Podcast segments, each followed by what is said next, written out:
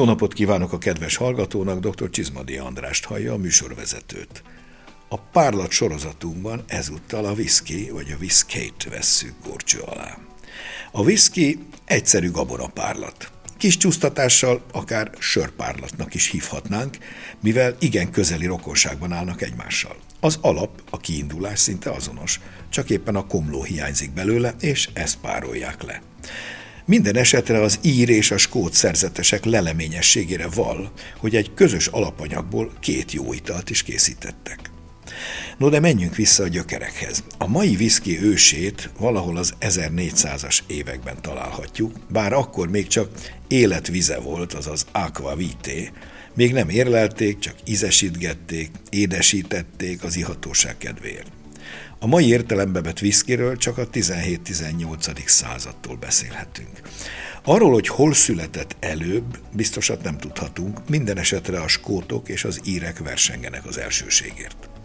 Valószínűleg párhuzamosan történhetett, bár az egyes források az írek elsőbségét jelzik. A klasszikus whisky alapanyaga elsősorban az árpa, de persze egyéb gabonákból is készülhet.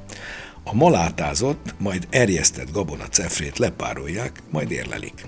A variációs lehetőségek, amint azt látni fogjuk, szinte korlátlanok. Hogy hogyan tett szert ez az egyszerű alapanyagokból készült párlat ilyen világhódító népszerűségre, annak több oka is van. Kezdeti terjedésének amikor még csak egy volt a párlatok között, a 19. század második felében Európára, ott is először Franciaországra rátörő filoxéra vész adott hatalmas lökést.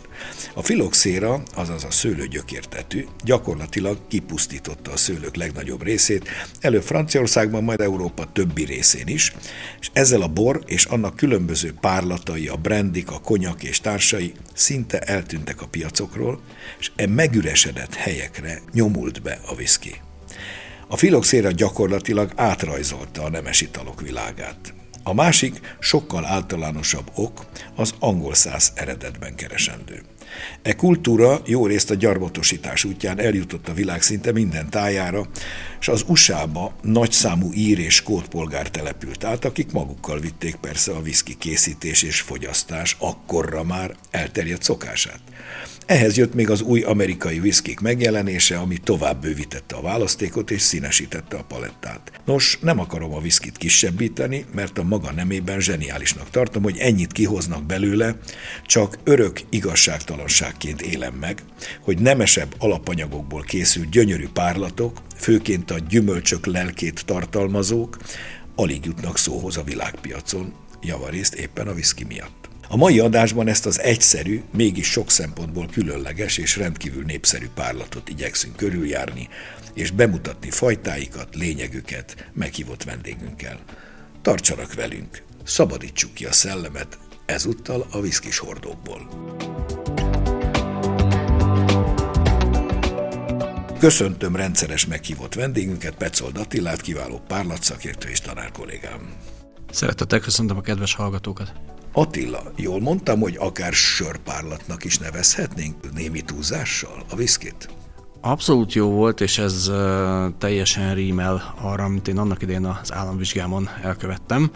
Ugyanis egy tétel kifejtése közben kiszaladt a számon az a mondat, hogy a whisky tulajdonképpen egy desztillált sörlé komlózás nélkül tölgyfában érlelve, minek utána az asztal túloldalán nagyon mély csend, nagyon csúnya tekintetek, és bár elismerték, hogy amit állítottam, az szakmailag igaz, de aztán finoman hozzátették azt is, hogy azért, ha ezt a mondatot túl sokat használom, akkor nem biztos, hogy kapok diplomát.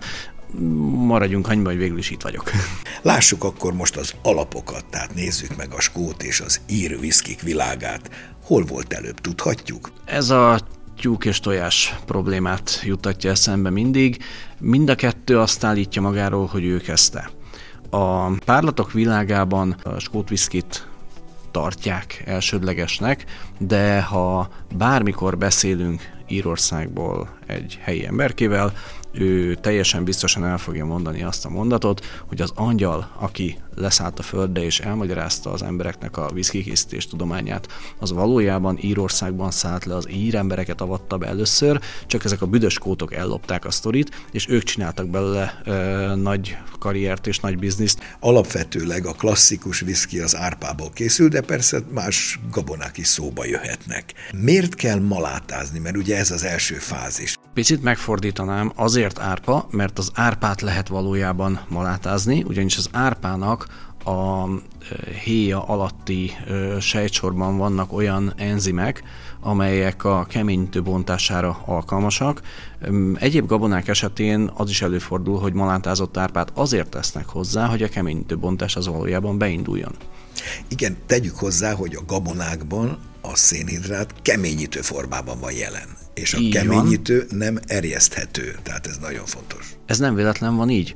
A keményítő az nem más, mint cukormolekulákból álló lánc, spirálisan összetekerve, tehát a természet az energia sűrűséget oldotta meg, ez ugye most nagyon divatos kifejezés, azzal, hogy a cukormolekulákat összekötötte, és nagyon kis ö, méretre koncentrálta. Beleférjen a gabona szembe. Egyrészt, hogy beleférjen, másrészt ne legyen túlzottan csábító a baktériumok számára, tehát ne legyen erjeszthető, hiszen akkor ugye nem biztos, hogy megmaradna ez a keményítő addig, amíg a rügyecske, illetve gyököcske a csírázásnál szeretne kipattanni. Ugyanis ehhez tartalmazza a kezdeti energiacsomagot, ezért találta ki a természet. Valójában energiát tárol, mondjuk úgy, hogy MP3-ba tömörítve. Na most az MP3 lejátszóban is kell, hogy legyen egy kitömörítő program, hogy értelmezhető legyen az információ. És ez a És ez az árpában lévő enzim, ami kinyitja szépen a keményítő láncokat, visszabontja cukor a lehetségekre, és onnantól kezdve az a cukor az már erjeszthető. Miután a malátázás megtörtént, azaz csiráztatjuk egy éppen egy picit, ugye ekközben az enzimek dolgoznak, de aztán le kell állítani, mert végül is nem árpa növényt akarunk nevelni, hanem nekünk a malátára van szükségünk. Mivel szárítják? Az ember addig érdekelt a folyamatban, amíg a keményítőbontás megtörténik. Onnantól kezdve, hogy a csírázás valójában elindul, onnantól kezdve a növény azt a cukrot használna el, amit mi szeretnénk meginni. Na hát ez az Meg ember szempontjából állítani. teljes mértékben értelmezhetetlen, és az ember válasza ilyenkor sajnos a gyilkosság, tehát csírájában megöljük a magot. És ezt hőenergiával tesszük.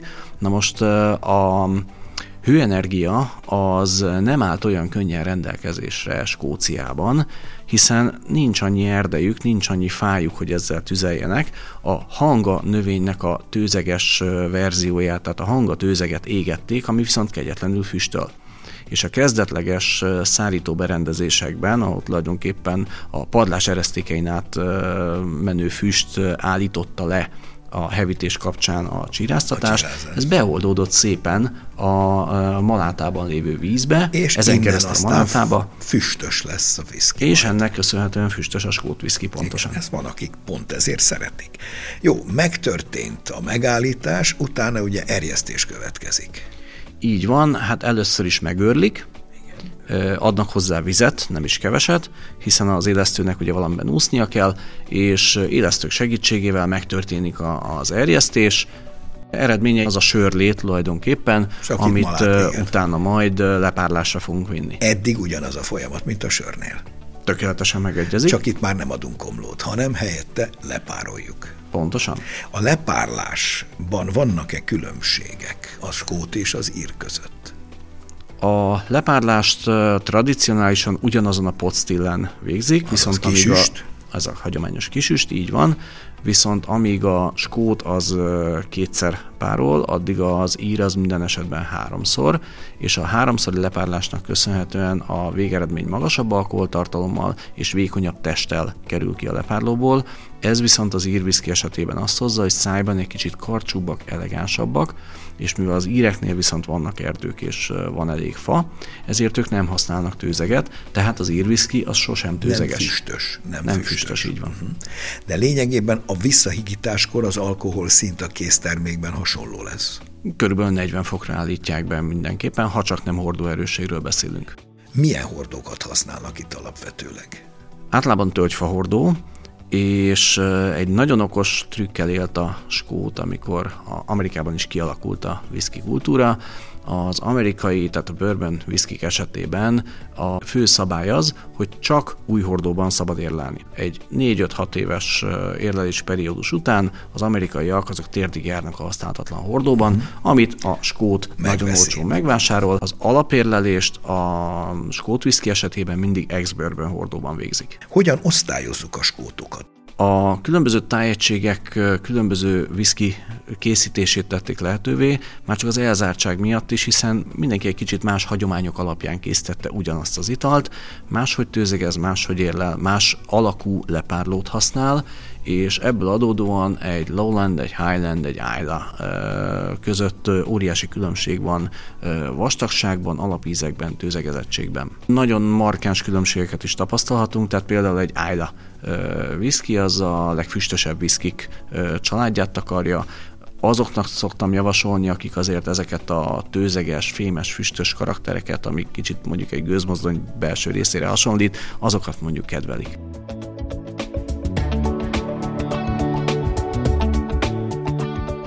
A következőkben Szalmás Márton, a Whiskynet párlat szakértője beszél a prémium viszkik világáról.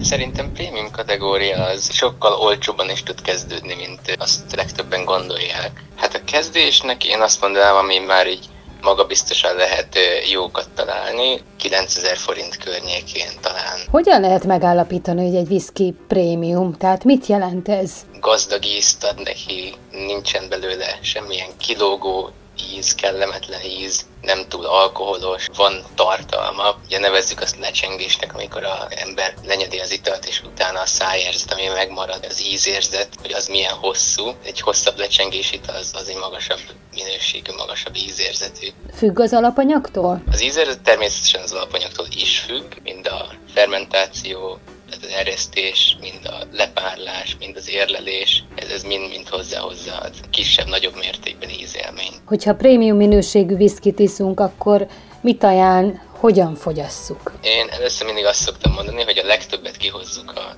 italunkból, megfelelő kóstoló pohárból, vagy olyan hasonlóból fogyasszuk, aminek lehetőleg szűk a szája. Tudjuk érezni az illatokat betől belőle rendesen. Először mindig ilyen szobahőmérsékleten ajánlanám és tisztán. Majd érdemes egy tényleg pár csepp vizet hozzáadni, és úgy is megkóstolni. Más oldalát fogja megmutatni az italnak. Minél nagyobb az alkoholfoka, annál ez relevánsabb ez a kis bárcsepp víz hozzáadása. Főleg, hogy az ember azt érzi, hogy ez itt egy karcosabb, egy kicsit neki, neki kicsit túl alkoholos, akkor ez nagyon szépen le tudja kerekíteni. Ezután pedig szerintem úgy fogyasztja az ember, hogy ő szeretné. Tehát ez megint személyes ízlés kérdése. Az a helyes, hogy az embernek a legjobban ízlik szerintem. Először mindenképp érdemes megismerni ezt az italt úgy, ahogy van magába tisztán. Mi az, amit egyáltalán ne csináljunk a viszkivel, amit tilos, mert tönkre teszi? Mindenképp kerüljük a napfényen való tárolást. Mesterséges fényen természetesen nem lesz baj, tehát LED lámpától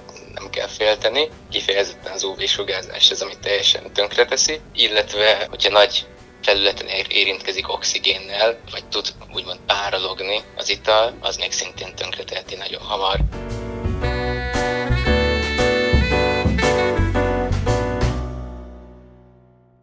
Lássuk, mi történik az új világban. Mert hogy előbb az USA-ba kikerült a viszki, ugye a skót és az ír kivándorlók révén, és mi lett belőle? Amikor először adót vetettek ki a viszkire, annak idején valóságos lázadás lett belőle, amit majd csak a hadsereggel tudtak leverni. Annak idején ez még Skóciában játszódott le, amikor Orániai Vilmos került trónra, és hát ő holland származásúként a Genever és ebből a Jean előretörését szerette volna elérni, adókötelessé tette a készítést és adómentessé a gint. Mivel a gin valójában az akkori felfogás szerint természetesen a kegyének sem jó gabona egyik felhasználási lehetősége volt, így nagyon nagy mennyiségben nagyon olcsón, a legalsóbb néprétegek számára is elérhető módon adtak alkoholforrást. Megszülettek az úgynevezett bath ginek, ami gyakorlatilag annyit jelentett, hogy még a fürdőkádban is gint a fürdés helyett. ami üzletileg viszont a skótoknak nem igazán tetszett. Nem csak, hogy lázadtak, de egy polgári engedetlenségi mozgalom is elindult, és nagyon-nagyon ö, kies helyekre költöztették az egyébként feketén működő viszki üzemeket, amiket aztán, amikor végre ez a 80-100 év lement és meg tudtak egyezni, amikor megszületett az alkohol licensznek tulajdonképpen a fogalma, akkor szépen elkezdtek legalizálni. Amerikában megszületik a bourbon whisky, ugye azóta is, meg aztán a társai. Erről hallanánk néhány dolgot. A bourbon whisky megszületését és stílusát valószínűleg az hozta életre, hogy az ottani fő gabona az nem az árpa, hanem a kukorica, illetve kisebb mértékben a rozs. Nekik ebből kellett valahogy szeszt felszabadítani, viszont ezekből a gabonákból teljesen más stílusú ital készíthető, ráadásul a technológián belül picit olcsó, picit egyszerűbb lépések is megengedhetőbbek, viszont az így elkészült termék mind színében, mind illatában, mind karakterében teljesen Egészen eltér más. a skót viszkitől, illetve az ír viszkitől. A az illat az sokkal inkább ezt a vajas popcornos édeskés karaktert hozza, a színe talán egy kicsikét sárgásabb, nem annyira vöröses tónusú, és emellett megszületett a bourbon whisky vonalán egy új stílus, a Tennessee whisky. Régen úgy is hívták, hogy egy olyan bourbon, amely egy faszén szűrésnek köszönhetően egy kicsit légiesebb, könnyedebb stílust vesz fel, viszont pár évvel ezelőtt hoztak egy olyan törvényt, hogy az a bőrben, amelyik megkapja a Tennessee szűrést, Tennessee eljárást, az onnantól kezdve nem hívható bőrben viszkinek, tehát csak Tennessee whisky néven hozható forgalomba. Emellett nagy mennyiségben rozs alapanyagot használnak fel, bár Amerika tekintetében a kukorica mindig nagyobb arányban, a rozs kisebb arányban. Ez előírás, szerepel. és azt hiszem, hogy 50% fölött kell legyen a kukorica a bourbonben. Igen, amennyiben bourbon whiskyről beszélünk, vagy ráírják külön, hogy rozs whisky, és akkor bizony csak akkor és kizárólag rozs alapanyagot hoznak. Stílusban viszont ez olyan, mint amikor a búzakenyér mellé megkóstoljuk a kukoricakenyeret, majd a kenyeret. Tehát a kukoricakenyér egy kicsit édeskésebb, lágyabb, na ez a bőrbönre tökéletesen illik, a kenyér meg mindig egy kicsit savanykásabb, fanyarabb és erőteljesebb, markánsabb, markánsabb karakterű, a rozsviszki pedig pontosan így viselkedik szájban. Tegyük hozzá, hogy ráadásul szinte mindig új hordót használnak az érleléshez. A bőrbön whisky esetében kötelező új hordót használni, alapvetően négy évet kéne ebben pihenni a terméknek, de hát Amerika marketing hazája, úgyhogy ők kitalálták, hogyha csak két évig tesszük be, akkor straight whiskynek fogjuk straight. hívni. A fogyasztó azt hiszi, hogy még valami komolyabb terméket kap, pedig egyébként gyorsabban kijön, viszont ugye ezeket a hordókat nem forgathatják vissza, hiszen vadonatúj és belül erősen égetett tölgyfahordót kötelesek használni. Ez gyakorlatilag a barik megfelelője a borászatban? Ez annál sokkal erőteljesebben van megpörkölve, hiszen a termék alapérlelésekor is kihasználják a faszénnek a szűrő hatását és a nagyon-nagyon olajos alapviszkiből egy kevésbé olajos, egy kicsit simább, egy kicsit lágyabb viszkit készítenek így az érleléssel akkor mondhatjuk azt, hogy karakterében a bourbon mondjuk az európai, tehát a skót és az érekhez képest egy kicsit lágyabb struktúrájú? Lágyabb, édeskésebb, olajosabb megjelenésű, így van. Alkoholban nagyjából itt is a 40%-os szintre állítják be. Körülbelül igen, hiszen ez elfogadott a világban. Mi a helyzet Kanadával? Hát Kanadát sokáig használták csempész útvonalként, illetve csempész lerakatként. A kanadai whisky az nagyon-nagyon hasonlít stílusában az amerikaihoz, viszont itt megfordul az arány, gyakorlatilag a rozs az nagyobb mennyiségben szerepel, tehát 51% minimálisan törvény szerint a rozs alapanyag, és a maradék lehet kukorica, illetve búza, de valójában, mivel a rozs a legolcsóbban és legnagyobb mennyiségben hozzáférhető gabona, ezért javarészt inkább ezt használják. A legújabb korunkban melyik államok, amik viszkiben legerősebbek USA-ban, tradicionálisan?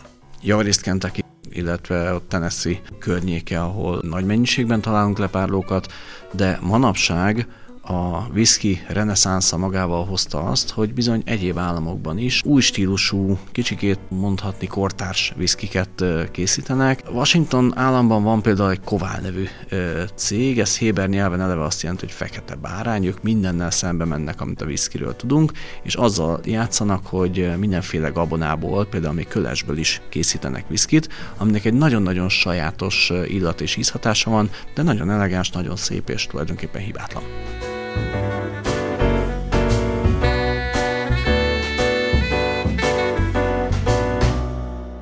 Következő interjúban Gulyás Csaba párlatszakértő beszél a legújabb trendekről a viszkik világában, a viszkik felhasználásáról és a fogyasztási szokások alakulásáról.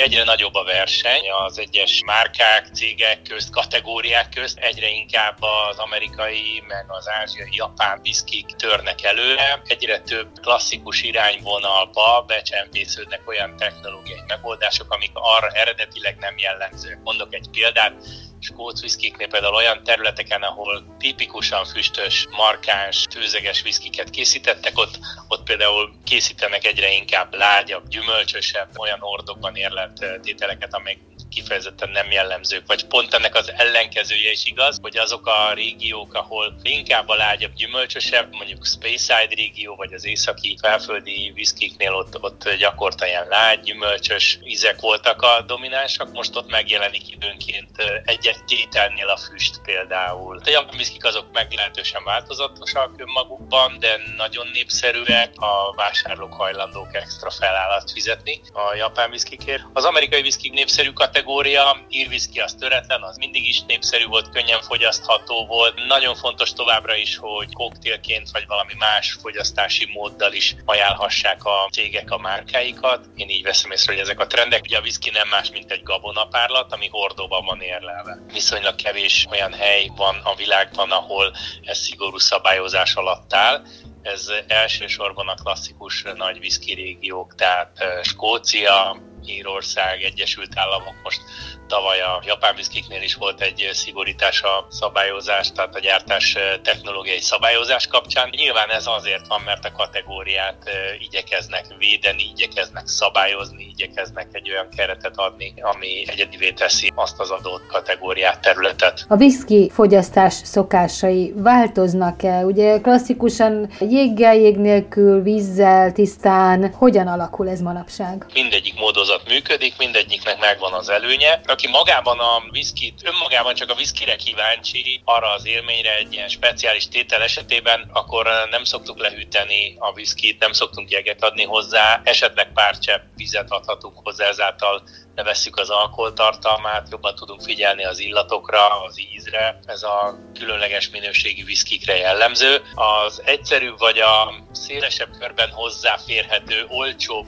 márkák esetében viszont nagyon fontos eladási érv, esetleg a koktélként, long drinkként való fogyasztás. Nagyon sok kategória abból él, hogy nem magában, hanem koktél alapanyagként elsősorban üdítővel, kólával, vagy gyömbérrel, bármilyen üdítővel fogyasztva kínálják. Azokon a koktélos helyeken, ahol minőségi koktélkészítés zajlik, és olyan alapanyagokkal tudnak dolgozni, amik talán kevésbé megszokottak, ott továbbra is népszerű alapanyag a viszki. A viszki az továbbra is népszerű kategória. Kinek való a viszki? Mindenkinek.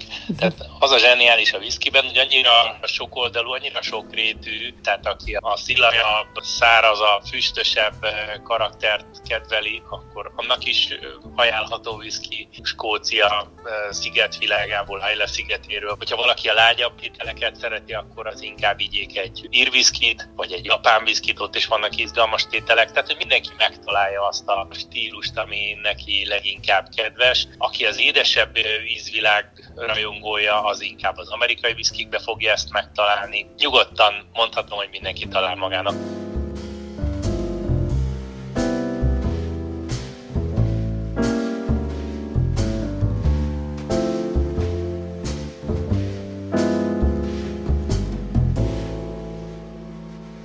Majdnem mindenütt, itt is előbb-utóbb bejön a képbe a távol-kelet is, a viszki világban is. Japán.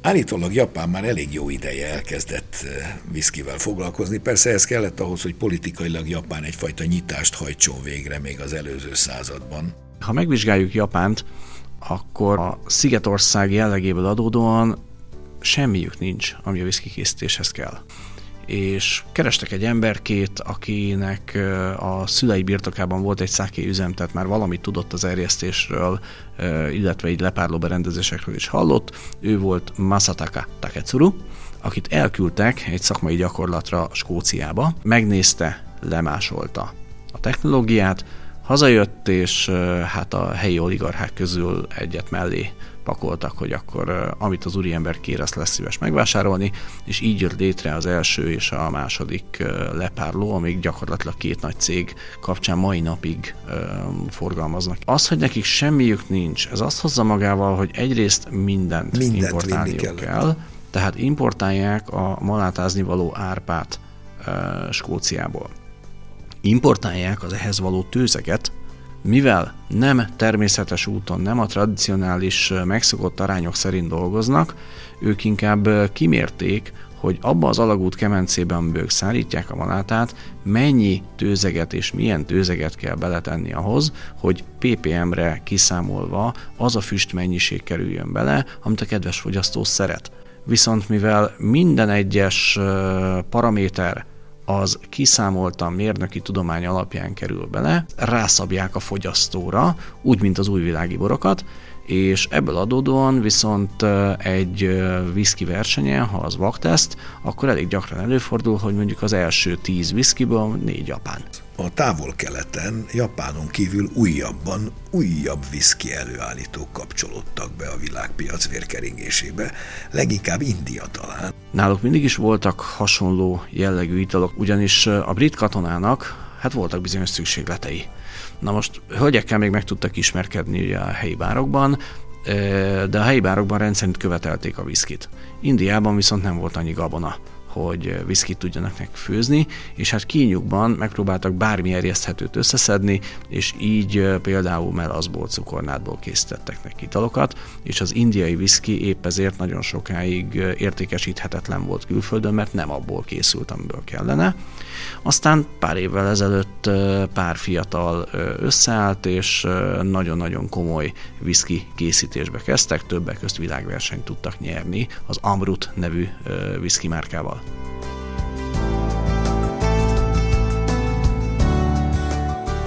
Megköszönöm Petzold Attilának ismét a közreműködést a mai adásban. Köszönöm, hogy itt lehettem, viszont hallásra. Hallgassuk meg a borvilág híreit Novák Dórától.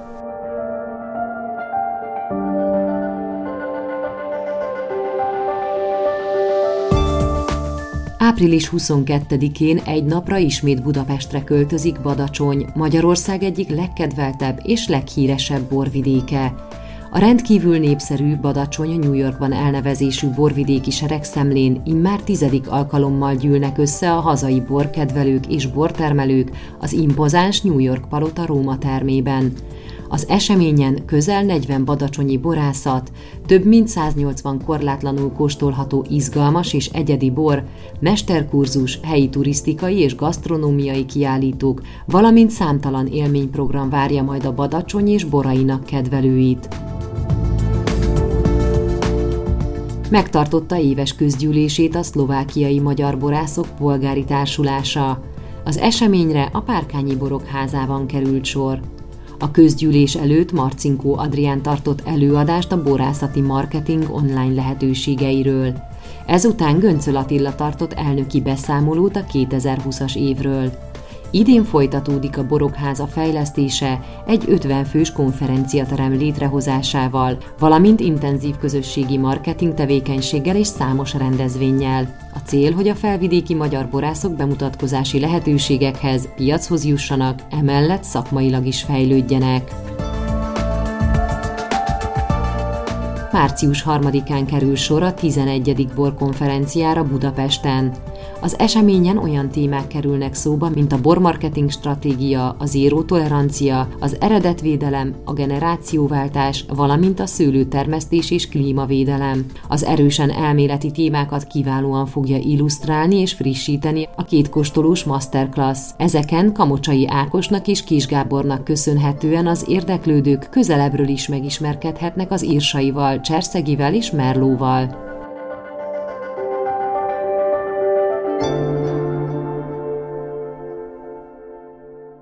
A mai műsorunk véget ért. A hangmérnök Bolgár Jonatán nevében is megköszönöm figyelmüket. Szép napot, jó borokat, jó viszkiket kívánok, dr. Csizmadi Andrást hallották. Az elhangzott műsort a Duna Média Szolgáltató Nonprofit ZRT megrendelésére készítette az NTVA 2023-ban.